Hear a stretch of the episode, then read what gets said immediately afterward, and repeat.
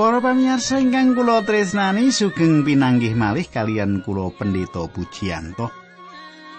Kados padatan kula badhe sesarengan kalian panjenengan ing sawetawis wekdal menika wonten ing adicara margi utami.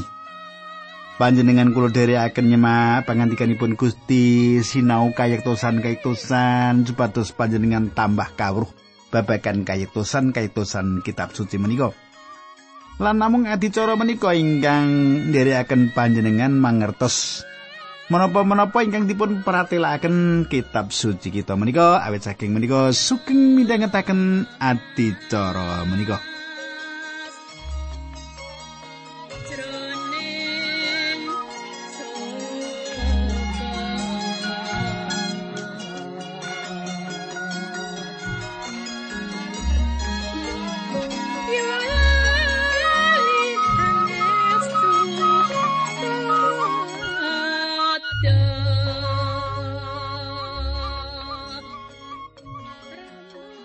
Para pamirsa menapa panjenengan tasih kemutan menapa ingkang kula aturaken duk nalika pepanggihan kepengker menika?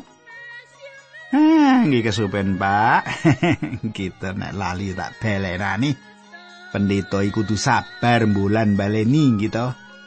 Wonten pepanggihan kepengker kita sampun nyemak kados pundi Paulus ngemutaken kita supados kita tansah ngaturi kaluhuran dumateng Gusti Allah lan tanggal jawab atur jawab dumateng panjenenganipun. Salajengipun kados pundi kita badhe ndedonga rumiyin saderengipun kita lajengaken. Monggo kita tumungkul kita ndedonga. Duh Kanjeng Rama ingkang adhedhampar wonten kraton ing kasuwarken kawula ngaturaken gunging panuwun. Menawi wekdal menika kawula saged tetunggilan kalian sederek-sederek kawula ingkang setya tuhu midhangetaken adicara menika. Kawula nyuwun Gusti berkahi Gusti nuntuni supados menapa ingkang dipun pidhangetaken dinten menika saged paring kegiatan panglipuran dumateng sederek-sederek kawula menika. Dinambaran asmanipun Gusti Yesus Kristus kawula ndedonga haleluya amin.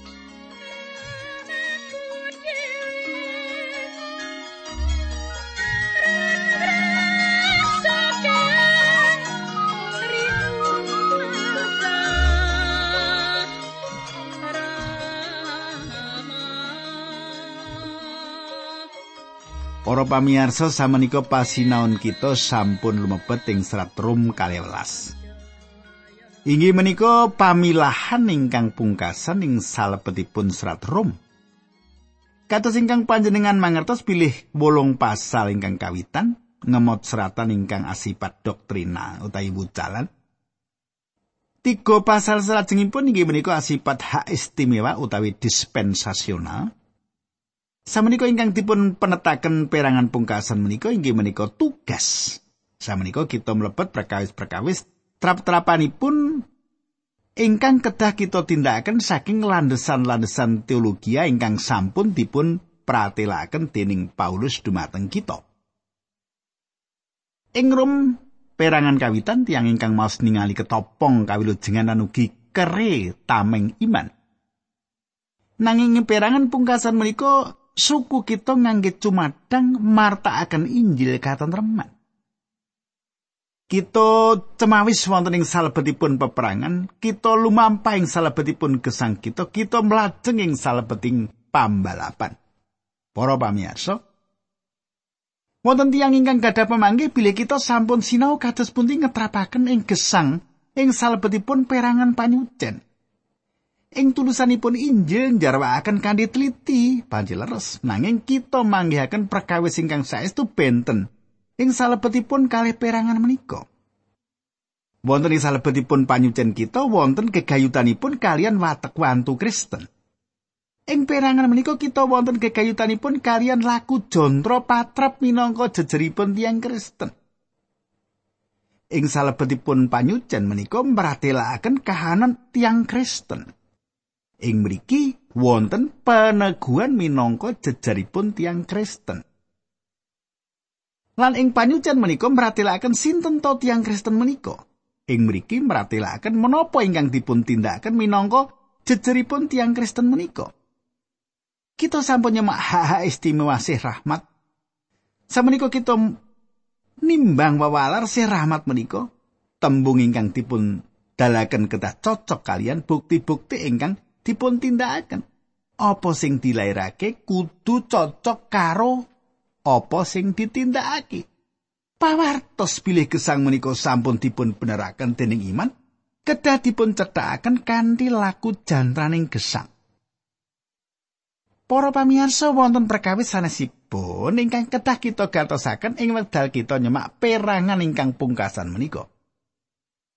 Laku jantranipun tiang Kristen kedah dipun pratelaken ing jagat menika lumantar gegayutanipun kalian tiang-tiang ingkang wonten gegayutanipun kalian piyambakipun lan gegayutan menika kedah dipun tata ingkang sae.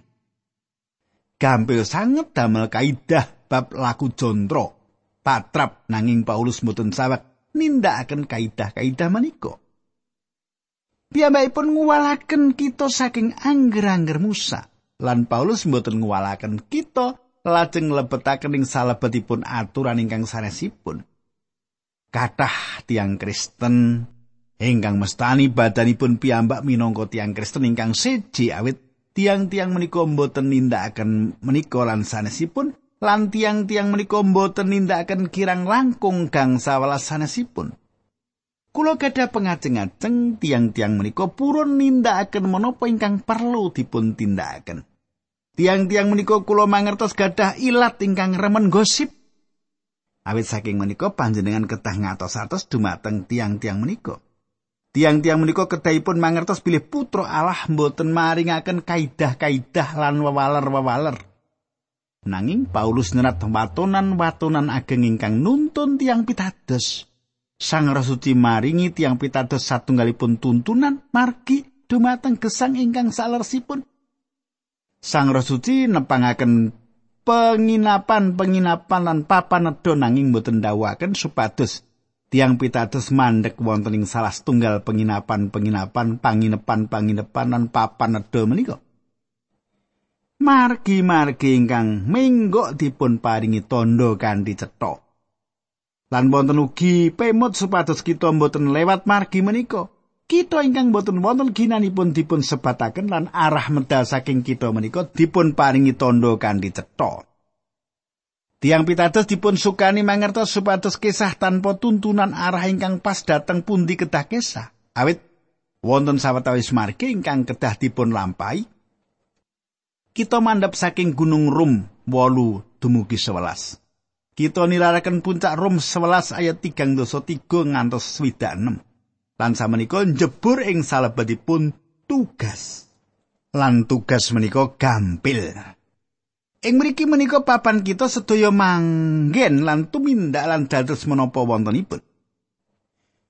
Bab rolas saya tunggal saya memono gedening sih rahmati Gusti Allah marang kita poros dulur mulane kue podo nyaosno badan muda di korban sing urip kagem Gusti Allah kanggo nglatosi pakaryane kang gawe renaning penggalie ya sing kaya mengkono kuwi patrape nggonmu ibadah. Cobi panjenengan semak. Bab kali wala saya tunggal sarene semono gedening sih rahmati Gusti Allah marang kita poros dulur Mulane kowe padha nyaosno badanmu dadi korban sing urip kagem Gusti Allah. Kanggo ngladosi pakaryane kang gawe renaning penggalihe ya sing kaya mengkono kuwi patrape nggonmu ibadah. Para pamirsa, Kanthi tembung sanes awet saka iku aku njaluk marang kowe para sedulur kanthi sih kamirahane Gusti Allah supaya kowe masrahake badanmu kepribadianmu sak wutuhe minangka pisungsung kan urip kang dicawisake kunjuk Gusti Allah, kang dadi keparengi Gusti Allah, kang dadi pangibadahmu kang sejati utawa sing rohani. Panjenengan katosaken tembung menika gegayutan caket kalian tembung ingkang saderengipun kula gadah pemanggih bilih Paulus nglempakaken sedaya serat kiriman ing wekdal piyambakipun sanjang sarene semono aku njaluk marang kowe inggih menika basa sih rahmat sanes basa angger-angger. Mboten wonten gluduk ing mriki saking Gunung Sinai. Nabi Musa paring dawuh, Paulus ndesek. Menapa saged Paulus paring dawuh? Paulus sanjang dumateng Pilimon, bilih piyambakipun saged nyukani perintah. Nanging piyambakipun Mboten nindakaken Paulus mboten nyukani perintah. Paulus sanjang, aku njaluk marang kowe awit sih rahmati Gusti Allah. Ing basa Ibrani tembung menika mratelakaken kados menapa aluber-luberipun kamirahane Allah menika. Gusti Allah menika sugih ing sih rahmat. Gusti Allah menika kagungan sih rahmat kata sanget. Gusti Allah ngginakaken sih rahmat menika gunggungipun kata sanget. Nanging panjenenganipun kagungan kathah kangge panjenengan. kamirahan ateges Gusti Allah kagungan sih kawelasan lan ugi kesabaran raos sih welasipun mboten nate ical para pamiyarsa kita dipun timbali supados nyaosaken niripun inggih menika masrahaken menawi panjenengan tasih kemutan inggih menika tembung ingkang sami ingkang kita ginakaken ing pasal 6 Sinaosa sawetawis juru tafsir gadah pemanggih pilih tembung menika ngarah dumateng pikiran. Ing mriki tembung menika ngarah dhateng kekajengan. Manut kula juru tafsir kala wanggenipun mbedakaken klintu. Panyuwun ing salebetipun kalih conto kala wae ingkang dipun kersakaken inggih menika kekajengan. Ing pasal 6 cara gadah watek wantu Kristen inggih menika sumarah dumateng panjenenganipun. Ing mriki sumarah satunggalipun cara nampeni paneguhan lan laku jantaranipun tiang Kristen. Paulus sanjang kedah masrahaken badanmu. kepribadian butuh panjenengan. Badan inggih menika alat ingkang kita ginakaken kangge nglairaken sinten kita menika. Pikiran, sesinisian, kekajengan lan Sang Roh Suci saged ngginakaken badan menika. Para pamirsa, kita dipun tuturi supados ngluhuraken Gusti Allah. Kalian badan kita wonten ing setunggal Korintus kalih dosa ngendikaken kowe wis ditumbas dening Gusti Allah kelawan rego sing larang mulane badanmu mau nggonen ngluhurake Gusti Allah. Lajeng Filipi setunggal ayat kali dosa sing ndak sesuwun lan ndak udi ya kuwi supaya aja nganti gagal nggonku nglakoni kewajibanku. Malah semongso-mongso luwih-luwih saiki aku kaparing ngono kakandelan supaya aku bisa ngluhurake Sang Kristus ana ing badanku dadi aku urip utawa mati. Ajeng setunggal Korinto sekawan doso sedani Gusti Yesus kuwi tansah katon ana ing badan kamanungsanku supaya wungune Sang Kristus iya katono ana ing awakku. Para pamirsa, atas tumindak kekajengan kita mapanaken kepribadian ingkang wetah ing salebetipun pamilahipun Gusti Allah. Inggih menika pangibadah ingkang sejatos, ibadah manut nalar kita. Lan inggih ibadah ingkang kados makaten menika ingkang dados keparengipun Gusti Allah. Nyisihaken badan kita, mligakaken kangge Gusti Allah. Nggih. Ayat kali. Aja mung padha melu-melu kaya sing dilakoni dening jagat iki. Nanging pasrahno marang Gusti Allah supaya budimu dadi anyar. Srana mengkono kowe bakal ngerti apa sing dadi kersane Gusti Allah, ya kuwi sing becik, sing dadi keparengi lan sing sempurna. Para pamirsa sinaosa tembung menika radi remit, inggih menika ingkang sejatosipun Paulus kajengaken ing perangan kitab suci menika. Paulus nyurung tiang pitados supados mboten adamel gesangipun lamis lan gadah laku jondro kados tiang ingkang sakiwa tengenipun. ingkang dipun tindakaken tiyang sakiwa tengenipun. Malah ampun ngantos laku lamis lan laku jontro kados tiang-tiang ing sakiwa tengen menika dipun tindakaken wonten ing gereja. Para pamirsa minangka jejeripun tiang pitados kita kedah gadah lampah gesang ingkang limprah lan wajar. Utawi malah kula kedah matur limprah lan saestu sak wajaripun. Gampil sanget kita reko-reko dados pripun kemawon. Gampil inggih menika liripun ingkang sayektosipun saking tembung lelamisan utawi munafik. Menika tembung Yunani saking aktor, para aktor menika dados paraga ing sandiwara. Menawi Jawi ya ketoprak, eh dados ratu, pati, dadi rakyat, beten-beten salah bawa ini betul. Masa ratu nyembah ya ora ana gitu. Nah, wonten ing jagating akting liripun nenggo panjenengan nyukani isyarat Lan tiang menika badhe sanjang kanthi pas lan ing wekdal ingkang pas nek dadi ratu. Eh, patihku, ngaten nggih. Piye kabari? Pawartani negara kita. Nih. Nek ketoprak nggih ta. Nah, wonten ing lampah gesanging saben dinten watek lelamisan menika kedahipun boten sisah. Dados darpe kita ora sah duwe kita. Kulo sampun sinau sadangunipun mataun-taun pilih sawetawis tiang ingkang bombong panjenengan. Kanthi mesem lan ngeplek-plek bau panjenengan. Saged ugi ing benjangipun badhe dados mangsa ingkang ageng tumrap panjenengan. Tiang-tiang ingkang kados makaten menika, tiang-tiang ingkang kados makaten menika mbebayani. Dipun dadosaken rencang. Shakespeare kemawon ingkang sanjang pilih jagat menika kados dene panggung sandiwara lan sedaya tiang kedah nindakaken paraga manut kabetahanipun. Patra ingkang kados makaten menika boten leres tumrap tiang pitados. Tiang pitados kedah murni. Awit Sang Roh Suci makarya saking lebet ngriba kesangipun kanthi cara nginggalaken pikiran. Para pamirsa, makaping-kaping Paulus nyuwun supados perkawis menika dipun katosaken dumateng pasamaning Korinta Paulus sanjang kalih Korinta telu ayat 18. Kita saiki padha nyunarake kamulyane Gusti Yesus tanpa ketutupan. Sarwi kamulyan mawasali saka Gusti kang asipatroh mulane kita padha kasalinan rupa madani pasemone Gusti piyambak kelawan kamulyan kang mundak-mundak. Dumateng Titus Paulus sugi sanjang Titus 3 ayat gangsal panjenengani milu jengake kita ora mergo penggawe becik sing kita tindakake nanging mergo saka sih rahmate piyambak. Kita padha dikumbah. Dikumbah dipun baptis dipun suciaken nggih. Mergo saka nggon kita kakumbah mau kita nuli kalairake maneh dening Sang Roh Suci lan kaparingan urip anyar.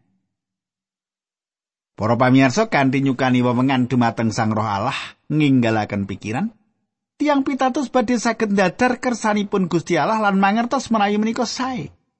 Menawi sekedap kemawon kula lan panjenengan tumindak lalamisan kita apatrap mboten kados kita piyambak.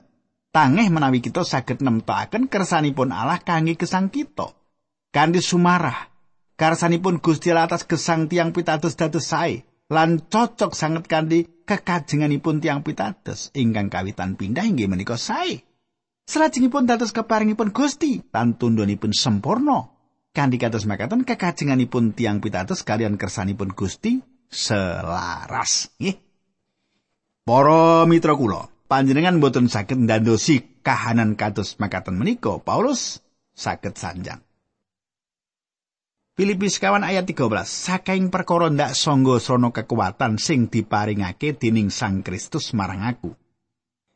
Katenggulo tiang pitato saged nindakaken samukawis ingkang wonten ing salebetipun kersanipun Gusti Allah. Saestu ngidapi-dapi kanthi mboten sisah lelamisan dados tiang Kristen nanging asih kepajar lan nyukani wewengan Sang Roh Allah. Makarya wonten ing salebeting gesang panjenengan.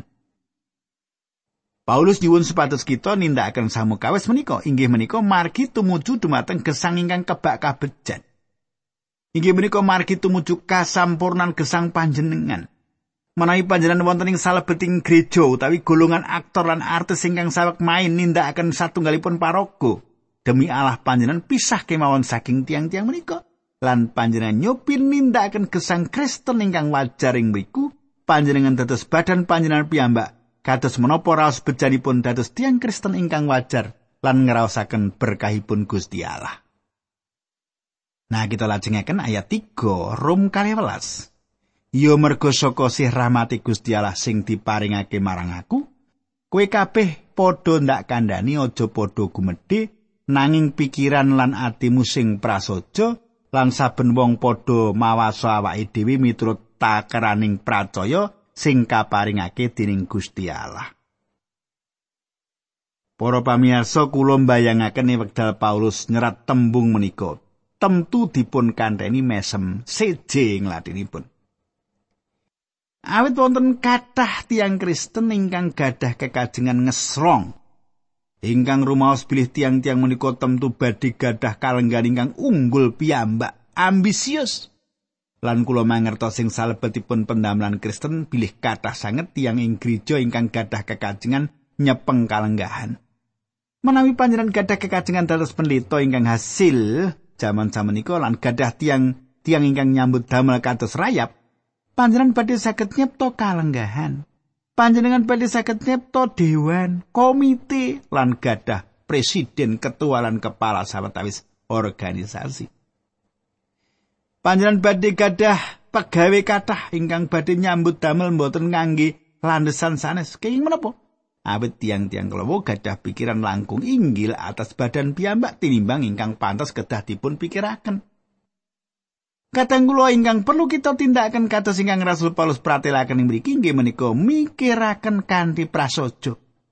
Paulus meratelaken bilih kita mboten kedahipun nyobi ngrumiyenaken badan piyambak ing salebetipun kalangan Kristen.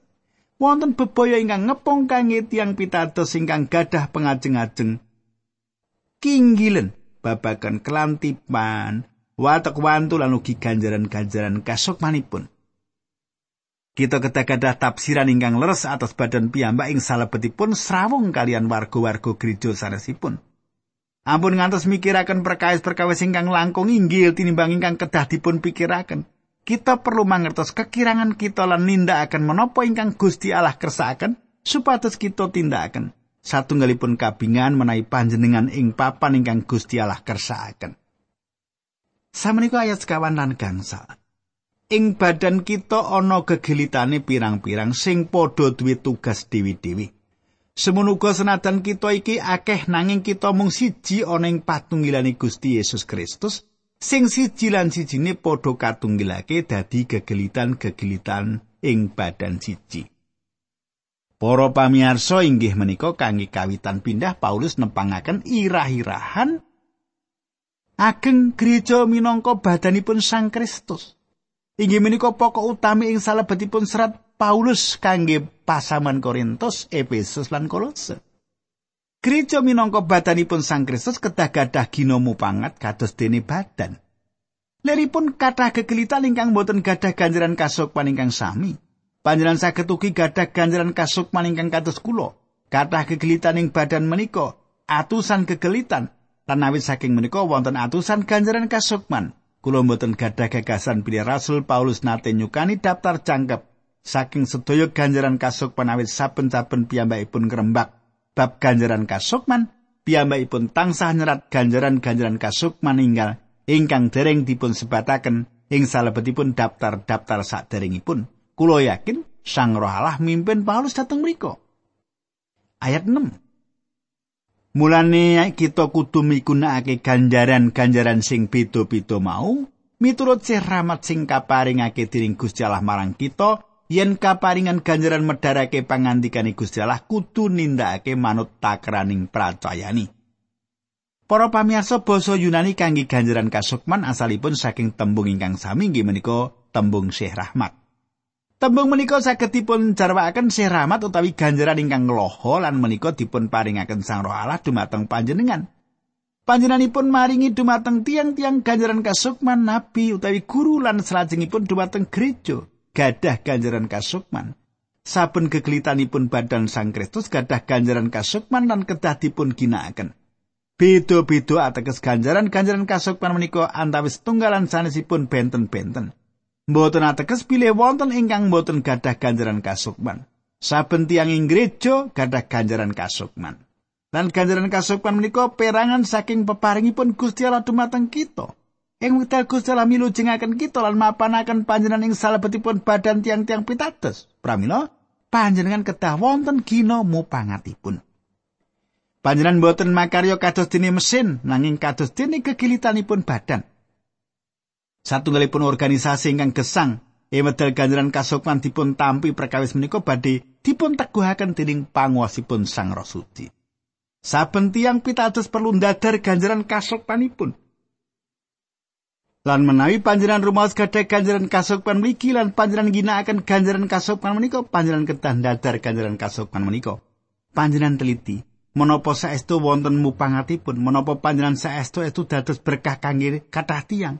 Menapa panjenengan saged ngembangaken gereja utawi panjenengan malah mecah gereja pameco ing mriki mboten babagan menapa ingkang badhe dumados nanging pawartos ingkang saking Allah ingkang sampun kasrat ing kitab suci. Panjenengan katasaken pilih pameco kedadipun paringaken ing salebeting pamilah atas katetepan Gusti Allah kegayutan iman dan panguwaos kangge nyelarasaken ganjaran kasukman menika. Samenika cobi ayat pitu yen kaparingan ganjaran ngladeni utawa tetulung ya kudu ngladeni yen ganjaran memulang ya padha memulango. Para pamirsa ngladosi inggih menika nindakaken pakaryan lados ingkang ngarah dumateng maneka werni peladosan ingkang kedah dipun tindakaken. Wonten kathah jinis peladosan tumrap yang pitados ingkang dipun serat ing babagan ganjaran kasukman menika ngatur kursi lan mangsulaken buku kidung saged kawastani peladosan. Sawetawis tiang boten gadah ganjaran kasukman khotbah nanging tiang menika gadah ganjaran kasukman lados. Ngladosi kalebet satunggalipun ganjaran kasukman ingkang kathah. Dumugi semanten rumiyin monggo kita tumungkul kita ndedonga. Duh Gusti Allah matur nuwun sanget ing wanci menika kawula saged tetunggilan saged sesarengan kalian sedherek kawula lan ngedum berkah kasukman. Kininipun saged dados kegiatan dinambaran asmanipun Gusti Yesus kawula tunggu haleluya. Amin